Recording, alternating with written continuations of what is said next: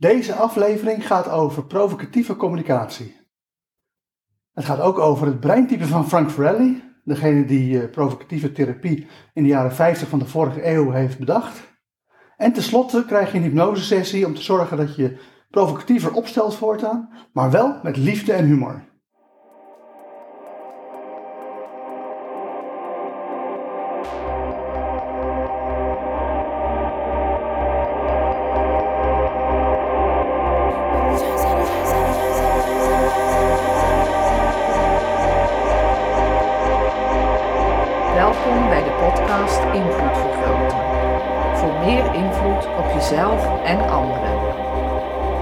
Met licensed NLP Master Trainer en door de Vrije Universiteit gecertificeerde OBM Trainer Coach Joost van der Leij.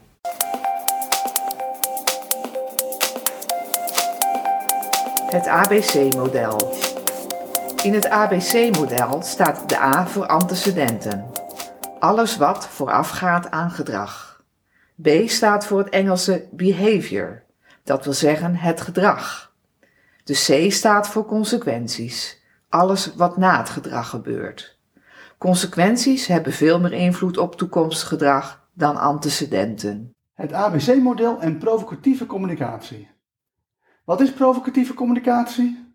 Nou, dat is uh, provoceren terwijl je aan het communiceren bent. Laat ik een voorbeeld geven. Een hoop mensen, als ze zich slecht voelen of in een nare situatie zijn, reageren heel erg slecht als dan goed bedoelde mensen in de omgeving tegen ze zeggen van joh, maak je niet druk, zo erg is het niet. In Afrika is het allemaal veel erger. Waarom? Op een of andere manier wekt die poging van de omgeving om de problemen kleiner te maken juist een averechts gevoel op waarbij je denkt, ja hallo, het gaat nu even om mij. En wat blijkt dan? Dat is iets dat heb ik anti-relativeren genoemd. Dat wanneer je in plaats van het probeert kleiner te maken, het juist groter probeert te maken, dat dan je ook weer een soort tegenreactie krijgt. Dat je ook weer een soort averechts effect krijgt. Namelijk dat je onbewustzijn eigenlijk zelf het probleem al kleiner begint te maken. En zo deed ik dat vroeger altijd toen ik eh, nog last had van de ochtendhumeur. Maar daarna ben ik te gaan gebruiken als voorbeeld in trainingen, in mijn eh, NLP-opleidingen en in de OBM-opleiding. En wat gebeurde er? Mijn onbewuste dacht van, oh, hoort dat niet? Nou, dan hou ik op met uh, ochtendhumeur. Dus tegenwoordig heb ik er nooit meer last van. Maar toen het nog wel gebeurde, dan zei ik tegen mezelf, Joost, het is ook volkomen terecht dat je zo overstuur bent of zagrijnig bent of whatever. Want het is niet nogal wat wat jij vandaag gaat meemaken.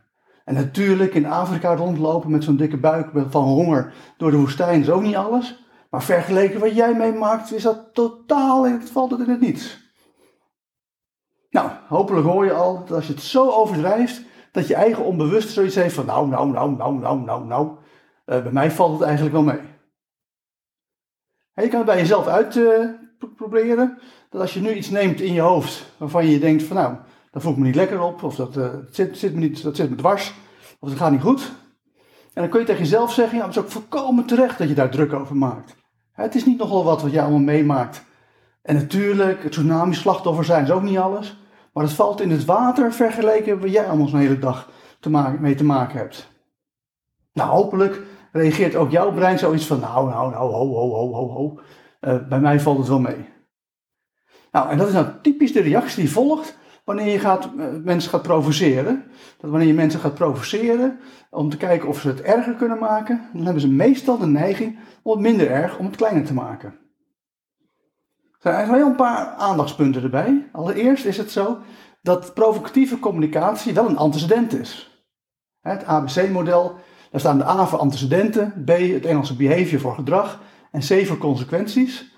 En dat betekent, en dat we uit onderzoek heel erg duidelijk hebben kunnen zien, dat de consequenties veel meer invloed hebben op toekomstig gedrag dan de antecedenten. dus wanneer je, uh, wanneer je provocatieve communicatie gaat gebruiken, moet je wel bedenken, het is een antecedent. Ik kan het prima gebruiken om mensen uh, tot actie aan te zetten, te zorgen dat ze iets één of twee of drie keer gaan doen. Maar daarna is het wel zaak dat je opvolgt door wanneer mensen gewenst gedrag gaan vertonen, om dat te belonen met positieve consequenties. Daarnaast is het heel belangrijk dat je uh, alleen provocatief communiceert in combinatie met liefde en humor. Als je het doet zonder liefde en humor, dan wordt het gewoon heel erg naar.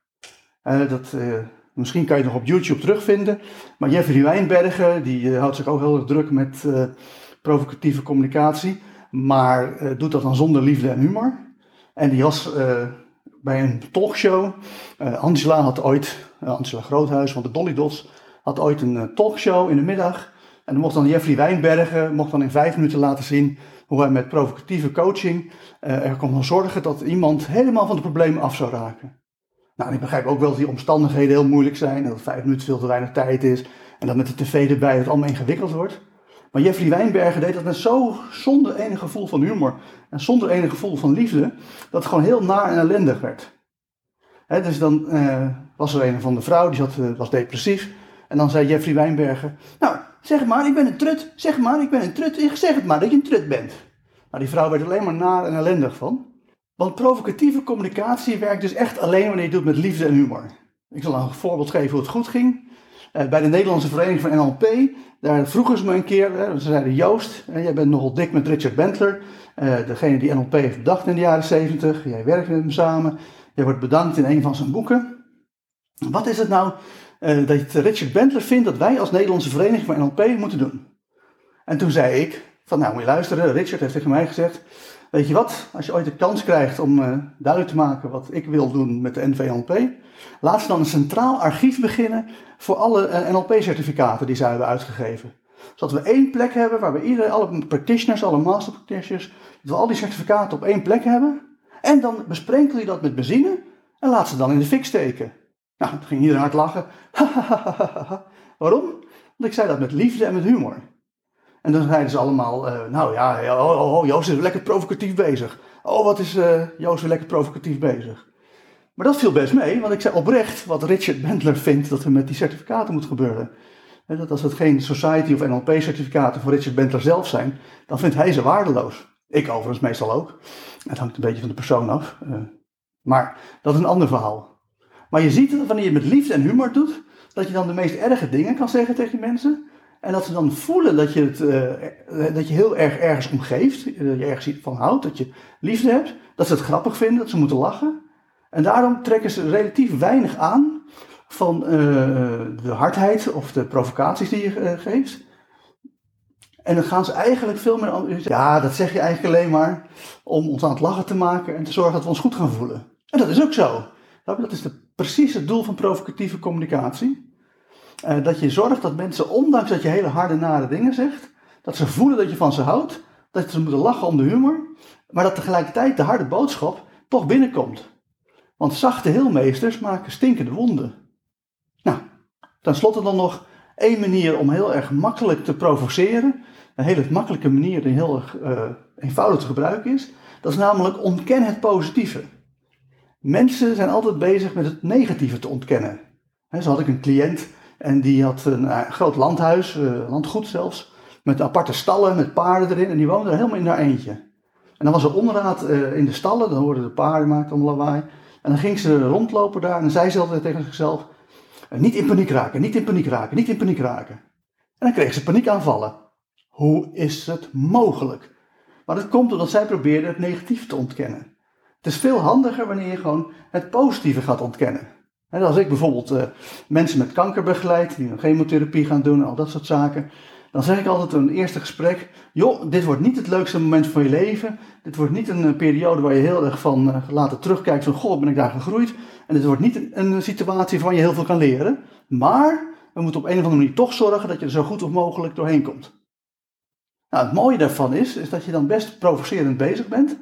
Eh, maar tegelijkertijd ook op verschillende niveaus communiceert. Want het onbewuste van ons is heel erg slecht in het verwerken van het woordje niet.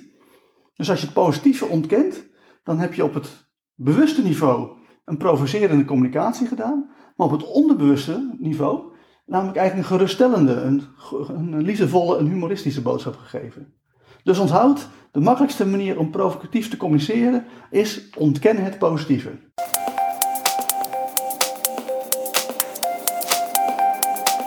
Het breintype van een beroemd persoon. Net zoals er lichaamstypen zijn, heeft iedereen ook een van de negen breintypen. Je breintype bepaalt voor een flink deel je gedrag. Het breintype van Frank Farelli. Uh, Frank Farrelly is uh, minder bekend. Uh, mensen hebben het bij NLP altijd over de grote therapeuten die Richard Bentler en John Grinder hebben bezocht en uitgezocht. Namelijk Fritz Perls, Virginia Satir en Milton Erickson. Nou, van Milton Erickson hebben ze heel veel geleerd. Met name alle hypnose, dus dat is absoluut een hele belangrijke bron. Virginia Satir hebben ze het metamodel, de manier waarop NLP vragen kan stellen om te zorgen dat er relevante details die weggelaten zijn, gegeneraliseerd of verdraaid boven water komen. Dat is ook belangrijk. En van Frits Pruls hebben we helemaal niks overgehouden. Dat was gewoon echt een onzinverhaal, dat kristaltherapie. Maar waar ze een onbekende therapeut, waar ze wel veel van hebben geleerd, is Frank Farrelly. Frank Farrelly heeft, eh, zoals ik al zei, provocatieve therapie uitgevonden. En hij deed dat in de jaren 50 van de vorige eeuw al. Dus dat is al een hele tijd geleden. En, maar hij deed dat ook vanwege zijn breintype. Dat maakt het zo interessant, Frank Farrelly. Los van dat het provocatieve therapie ook gewoon een interessante vorm van therapie is. want Frank Farrelly heeft breintype 8 de baas. Dus wat was er gebeurd? Hij was uh, opgeleid als uh, psychiatrisch verpleegkundige. Hij was in de jaren 50 als psychiatrisch verpleegkundige gaan werken in een psychiatrische inrichting. En hij had natuurlijk geleerd om professionele distantie te doen, uh, ethisch omgaan met cliënten, of patiënten heten ze toen nog in die tijd, afstand bewaren, al dat soort zaken had, hij allemaal geleerd. Maar vanuit zijn type 8 brein, de baas, had hij gewoon heel veel impulsiviteit weinig uh, controle over zijn impulsiviteit. Dus met enige regelmaat, dan uh, ja, schoot hij uit de slof en had hij echt zoiets van, ah, zo, moet erop, doe even normaal. En daar schrok hij natuurlijk heel erg van. Want hij had natuurlijk altijd net dingen geleerd, hij was net aangenomen, hij was net uh, van de school afgekomen. Dus ja, hij wil zijn baan natuurlijk houden en niet ontslagen worden vanwege dit soort uitvallen. Maar tot zijn stomme verbazing knapte de cliënt er wel van op, de patiënt. En dat gebeurde nog een paar keer daarna. Dus ondanks het feit dat hij zich voorgenomen had na de eerste keer. Dit doe ik nooit meer, gebeurde het toch. En na twee of drie of vier keer, toen dacht hij op een gegeven moment van oké, ja, ik, ik ben fout bezig, ik snap het. Maar ik zie wel dat elke keer eigenlijk die patiënt of die cliënt opknapt. Dus weet je wat? Laat ik nou eens gewoon uitproberen wat er gebeurt als ik het expres ga doen. Nou, hij heeft een prachtig verhaal over een dikke vrouw die iedereen, bij iedereen lag zat te klagen dat ze geen vrienden had. En daarom was ze opgenomen in de psychiatrie. En toen vroeg hij haar, uh, ja, kom eens langs bollen, dan gaan we het erover hebben. En uh, weet je wat, ja, ik we gaan ook volkomen begrijpen waarom niemand met jou uh, vrienden wil worden. En toen begon ze dus zelf het probleem kleiner te maken. Toen zei ze, nou ho ho, wacht even Frank, ik mag dan wel geen vrienden hebben, maar ik heb wel kennis hè. En dus op die manier werk je met provocatieve therapie om er ook weer te zorgen dat je door die provocaties ervoor zorgt dat mensen hun eigen probleem kleiner maken. En Frank Farrelly zei altijd dan ook, en op het moment dat ze dan door hadden dat je dat alleen maar deed om te zorgen dat ze zich goed gingen voelen, dat ze moesten lachen, dat ze uit de problemen kwamen, dan was de therapie geslaagd. Als de cliënt zei, ja Frank, dat zeg je, je doet wel naar tegen mij en je probeert me te provoceren, maar ik heb ook best wel door dat je het alleen maar doet omdat je echt om me geeft en omdat je gewoon wil dat ik uit de problemen kom. Het grappige van eh, Frank Farrelly is, dat die Richard Bentler en John Grinder, die noemde hij altijd uh, bandit en swindler. Want volgens Frank Farrelly is het zo uh, dat uh, Richard Bentler vooral vertelt allerlei spannende verhalen wat hij met cliënten gedaan heeft. Maar dat hij, Frank Farrelly, degene is die het echt gedaan heeft. bandit en swindler maakt Richard Bentler een boefje, John Grinder een oplichter. Dus dat is typisch van die provocerende communicatie. Nou, hopelijk dat Frank Farrelly dat deed met liefde en humor. want de verhalen van Richard zijn prachtig. Persoonlijk denk ik, want ik heb ook een aantal video's gezien waarbij ik echt heb gezien dat Richard Bentler die niet alleen het verhaal vertelt, maar ook daadwerkelijk het doet. En dus persoonlijk denk ik dat het uh, veel waarschijnlijker is dat Richard Bentler als jonge student geïnspireerd is geraakt door Frank Farrelly en Frank Farrelly na heeft gedaan toen hij zelf cliënten kreeg. En dan zal Frank Farrelly denken, ja, dat ik het verhaal hoor, zonder de kennis te hebben gehad van alles wat er door Richard Bentler zelf gedaan is. Oh, hij vertelt gewoon mijn verhaal. Maar feitelijk heeft Richard Bentler waarschijnlijk Frank Farrelly nagedaan. om een voorbeeld te geven, een van de bekendste verhalen van Richard Bentler is het Jezusverhaal. Het was een schizofreen en die uh, was opgesloten in de psychiatrie. En zijn familie had Richard Bentler ingehuurd om hem eruit te halen. En deze schizofreen dacht uh, dat hij Jezus was.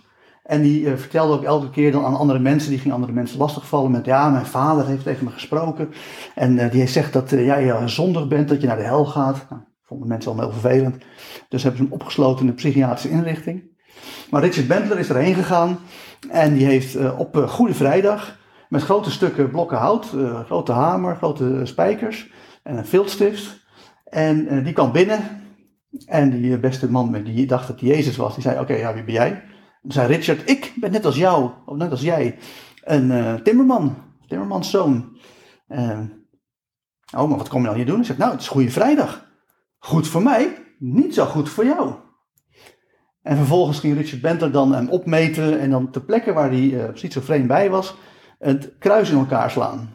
En volgens Richard Bentler was het zo dat met elke slag op een spijker, om dat spijker in het diepe eh, hout uh, te jagen, werd de schizofreen minder overtuigd dat hij echt Jezus was.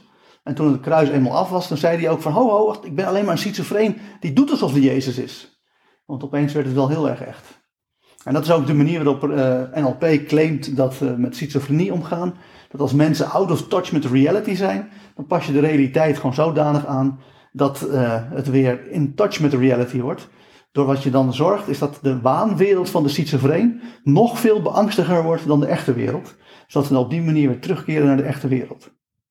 Nou, dat is een verhaal wat ik niet heb kunnen controleren. Maar zo is er ook het verhaal over Charlie, ook een schizofreen. Daar heb ik de video van gezien. Uh, Charlie had het probleem dat mensen uit de tv stapten en achter Richard of achter Richard aanliepen, achter Charlie aanliepen.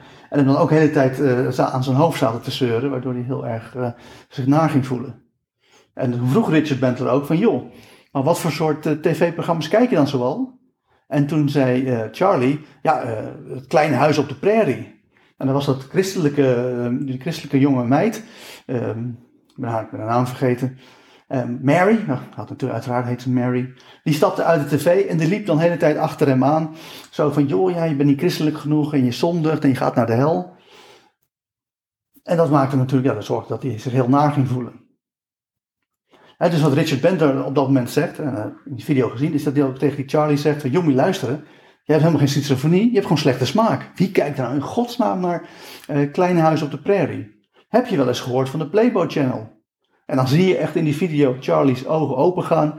Uh, dan zie je echt zo van, oh ja, hey, als uh, ik levendig kan hallucineren dat mensen van tv eruit stappen en achter me aankomen lopen. Als dat bij de Playboy Channel gebeurt, dan wordt het misschien heel interessant. Dus op die manier kan je zien dat Frank Farrelly een hele hoop van dit soort dingen bedacht heeft. Om hoe kan je ze mensen provoceren, zodat ze een probleem kleiner maken of ophouden een probleem te hebben. En dat Richard Bendler daar heel veel van geleerd heeft en vervolgens ook in NLP heeft gestopt. Wat het maar heel vreemd maakt, dat uh, de meeste NLP'ers in uh, Nederland, van die New Age figuren zijn, die denken dat je de hele dag alleen maar lief en aardig mag doen. Het tegendeel is juist waar. Juist vanuit die provocatieve therapieachtergrond uh, en provocatief communiceren, weten we gewoon dat het juist heel erg handig is om vaak heel hard te zijn, maar met liefde en humor. Want opnieuw geldt, zachte heelmeesters maken stinkende wonden.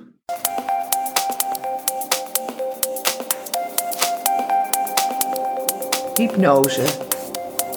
Met hypnose programmeer je rechtstreeks je onbewuste, waardoor je meer invloed hebt op jezelf. Een hypnosesessie om je provocatiever op te stellen, maar wel met liefde en humor. Ik ga hiervoor, omdat ik denk dat dit heel handig is voor iedereen, weer de, gewoon de algemene standaard manier van mensen onder trans, in hypnotische trance brengen gebruiken. dus mocht je al heel veel ervaring hebben met hypnose, heel snel in trance gaan, nou, doe dat dan ook lekker, uh, want dat is prima. Maar heb hopelijk ook het geduld, zodat je de tijd aan de andere luisteraars geeft van deze podcast uh, invloed vergroten, om ook daadwerkelijk uh, mee te gaan in het hele verhaal. Dus mocht je heel snel in trance gaan, en dan nou, wens ik je veel plezier. Maar heb dan ook het geduld, zodat andere luisteraars ook mee kunnen. dus ga lekker zitten. Leg je handen lekker op je schoot. Haal eens diep adem. In door je mond, uit door je neus en ontspan. Doe je ogen dicht en luister naar mijn stem. Want mijn stem gaat met je mee, zodat je op elk moment weet wat de volgende uh, instructie is. Zodat je op elk moment weet wat de bedoeling is. En dan kan het natuurlijk zijn dat ik iets heel doms zeg uh, en dat je denkt, daar heb ik helemaal geen zin in. En dat is geen enkel probleem, want dan doe je gewoon iets wat erop lijkt, maar wel leuk is. Dus het eerste wat we gaan doen is gewoon heel lekker ontspannen, relaxen, door terug te gaan in het verleden in, naar een moment van ontspanning. En mocht je eerder onder hypnose zijn gegaan, dan is het prima om een eerdere hypnoseervaring terug te halen. Maar het kan ook een moment van vakantie zijn, dat je lekker in de zon lag en heerlijk lag te ontspannen. Of een moment uh, dat je in bed lag, je dacht ik draai hem nog eens om en ik slaap. en droom verder, of wat voor moment dan ook. Waar het om gaat is dat je het weer helemaal terughaalt in 3D, warme kleuren, er weer helemaal in zit, uit je ogen kijkt, alle geluiden van toen weer hoorde. Want dan merk je dat je ook meer en meer begint te ontspannen. Dus begin ook meer en meer te ontspannen door gewoon heel relaxed dat gevoel van ontspanning in je lichaam te volgen. Waar begint het? Hoe beweegt het? Voor de meeste mensen is het een warme deken die van boven naar beneden gaat. Voor andere mensen is het meer een warme zon die of in hun buik of in hun borstkas straalt. Maar het kan wat voor beweging dan ook zijn. En wat voor plek dan ook. Het belangrijkste is, is gewoon dat je erop focust en dat je voor jezelf uitzoekt of wanneer je dat gevoel versnelt of juist vertraagt. Of je dan merkt dat je steeds dieper en dieper ontspant. dus ontspan nog dieper, ga nog meer die ontspanning in. Want hoe dieper je gaat, hoe beter het werkt. En mocht je provocatief communiceren met liefde en humor heel belangrijk vinden voor je leven, ontwikkel dan ook een hele krachtige wil om ook heel diep in de hypnose te gaan, heel diep in trance te gaan, omdat het eenmaal zo blijkt te zijn dat hoe dieper je gaat, hoe beter de hypnose werkt. En dan gaan we tenslotte aan de slag met de gedachtenwereld, want sommige mensen denken dat als je nog gedacht hebt, dat je nog niet in een hypnotische trance bent. Daar is niks van waar, gelukkig. Wat blijkt is dat je prima gedachten kan hebben en tegelijkertijd diep in een hypnotische trance te zijn. Alleen is het wel handig om die gedachten gewoon steeds langzamer en zachter te laten gaan. En er gewoon een beetje een geel in te plaatsen, zodat het allemaal veel meer gaat lijken op slaap of op een droom. Want hoe meer je slaap of een droom kan introduceren, hoe dieper je weer onder hypnose gaat. Dus ga diep onder hypnose met slaap en dromen. En terwijl je op deze manier zo lekker aan het ontspannen bent, ga ik met je onbewuste aan de slag om die ontspanning te verdiepen door heel eenvoudig af te tellen van 5 tot 1. Waarbij je bij 1 gewoon heerlijk diep in een hypnotische trance raakt, waar je heel ontspannen, relaxed bent en je goed voelt. Daar gaan we. 5. Merk dat je gewoon steeds dieper en dieper gaat bij elke keer dat ik een getal aftel. En dat je gewoon merkt dat je ook daadwerkelijk die ontspanning je hele lichaam laat vullen. Van het topje van je hoofd, uiterste puntjes van je vingers en uiterste puntjes van je tenen. 4. Naarmate je dieper en dieper gaat, merk je ook dat die hypnose, die trance steeds sterker wordt en dat het steeds meer goede gevoelens produceert. Er is uiteraard steeds meer ontspanning, maar ook gewoon welbehagen, comfort en andere goede gevoelens. 3. Ga gewoon steeds dieper, steeds meer in die hypnotische trance in, omdat je een hele krachtige wil hebt om ook daadwerkelijk zover te krijgen dat je op een ontspannen, relaxte, automatische en onbewuste manier provocatief kan communiceren, maar altijd met liefde en humor. 2. Nu raak je helemaal in het diepere kanten van de hypnose, steeds verder de trance in, steeds makkelijker ontspannen, steeds verder en dieper. En één, je gaat heel relaxed ontspannen, heel diep de hypnose in, om gewoon maximaal ervoor te zorgen dat je onbewustzijn samen met het creatieve deel van je brein in staat zijn om alle benodigde aanpassingen te maken die ervoor zorgen dat jij je vanaf nu veel provocatiever gaat opstellen, maar altijd met liefde en humor. En het mooie is dat je onbewust gewoon door blijft gaan met ontspannen, ook al ben ik ondertussen bezig om die provocaties eh, te installeren. Dus je onbewust gaat gewoon verder naar nul en ontspan je nog meer naar min 1. En dan ga je nog dieper de slaap en droom in. En terwijl dat zo bezig is, dan ga ik samen met het creatieve deel van je brein en het onbewuste deel van jou drie tot vijf nieuwe oplossingen vinden om te zorgen dat je nog provocatiever gaat worden maar niet voordat we daadwerkelijk eerst dat gevoel van liefde hebben opgeroepen en het gevoel van humor. Dus ga nu terug in de tijd naar een moment waarbij je weet, oké, toen voelde ik heel veel liefde. Hoeft helemaal geen liefde te zijn voor een cliënt, hoeft helemaal geen liefde te zijn voor de organisatie waar je werkt, hoeft helemaal geen liefde te zijn voor de mensen naar wie je provocatief wil communiceren.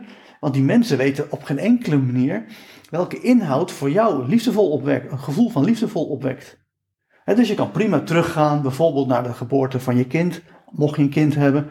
En dan denk je, oh ja, toen voelde ik de liefde.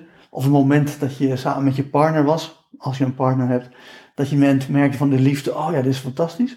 Of als je dat allemaal niet hebt, misschien gewoon puur je eigen liefde. Maar het mag natuurlijk ook best liefde voor een cliënt of een organisatie zijn of wat dan ook. Waar het om gaat is dat je gewoon nu weer dat moment terughaalt, weer een 3D, warme kleuren, er vol in zit, uit je ogen kijkt en ook alle geluiden weer terughaalt van het moment van liefde. En dan dat moment van liefde mixt met die ontspanning die nog steeds doorgaat, omdat je onbewust ook bezig is naar min 2 en min 3 te gaan. En op die manier nog dieper te ontspannen. En dan gaan we hetzelfde doen met een moment van humor. Het moment dat je moet lachen, het moment dat je plezier had. gaan we gewoon terug de tijd in naar zo'n moment, maken we weer 3D, levensecht, zitten we middenin, kijken we uit je ogen, hebben alle geluiden weer terug. En nu wordt het heel grappig. en gaan we gewoon een goed moment van lachen, van plezier en van humor terughalen. Zodat je ook dat gevoel van humor door die andere twee gevoelens heen kan uh, mixen. Zodat je en de ontspanning voelt en steeds dieper de ontspanning ingaat naar min 4 en min 5. En tegelijkertijd ook dat gevoel van liefde hebt en de humor. Want wanneer je dat allemaal met elkaar combineert, dan is je brein uitermate geschikt om te leren provocatief te communiceren. Dus dat betekent nu ook dat we jou onbewuste de opdracht geven om samen met het creatieve deel van je brein drie tot vijf nieuwe oplossingen te vinden om provocatiever te gaan communiceren. Vaker uh, te antirelativeren. Dat als mensen zeggen, ah, oh, er is een groot probleem op het kantoor. Die zegt, wat? Tuurlijk, dit is een super groot probleem. En natuurlijk, de coronapandemie is ook niet leuk. Maar vergeleken met wat we hier op kantoor meemaken, is dat helemaal niets. Of dat je gewoon het eh, positieve ontkent. Dat je zegt van, nou ja, dit is natuurlijk niet het eh, leukste wat we ooit mee hebben gemaakt hier op kantoor. Dit is niet de tofste periode uit onze kantoortijd. Als het over kantoor gaat. Als het over privéleven gaat, dan vul je privéleven in. Als het over iets anders gaat, vul je dat in. Maar het belangrijkste is dat je onbewustzijn samen met het creatieve deel van je brein drie tot vijf nieuwe oplossingen aan het vinden zijn. En terwijl ze die oplossing aan het vinden zijn, ook ervoor zorgen dat alle benodigde veranderingen gemaakt worden. Zodat je daadwerkelijk, wanneer je wakker wordt, de komende uren, komende dagen, komende weken, komende maanden, merkt van hé, hey, ik ga gewoon steeds meer op een hele gezonde, humorvolle, liefdevolle wijze provocatief communiceren met mijn omgeving. Zorgen dat ze om me lachen en dat ze tegelijkertijd voelen dat ik om ze geef. Maar wel op zo'n manier dat je de harde noten die gekraakt moeten worden aan het kraken bent. En dat je nooit gaat voor het zachte, heel meesters maken, stinkende wonden strategie. Want dat slaat nergens op. En dat betekent, wanneer je over twee jaar terugkijkt naar dit moment, dat je ziet dat hier het begin gemaakt is, dat je brein daadwerkelijk al die drie tot vijf nieuwe oplossingen gevonden heeft, door de in de samenwerking tussen je onbewustzijn en het creatieve deel van je brein. En dat het daarmee daadwerkelijk voor elkaar is gekregen om alle benodigde veranderingen te maken, zodat je daadwerkelijk, wanneer je terugkijkt over twee jaar naar die afgelopen periode, ziet dat je gewoon steeds vaker bent gaan uh, provocatief communiceren, maar dat je dat altijd met liefde en humor hebt gedaan.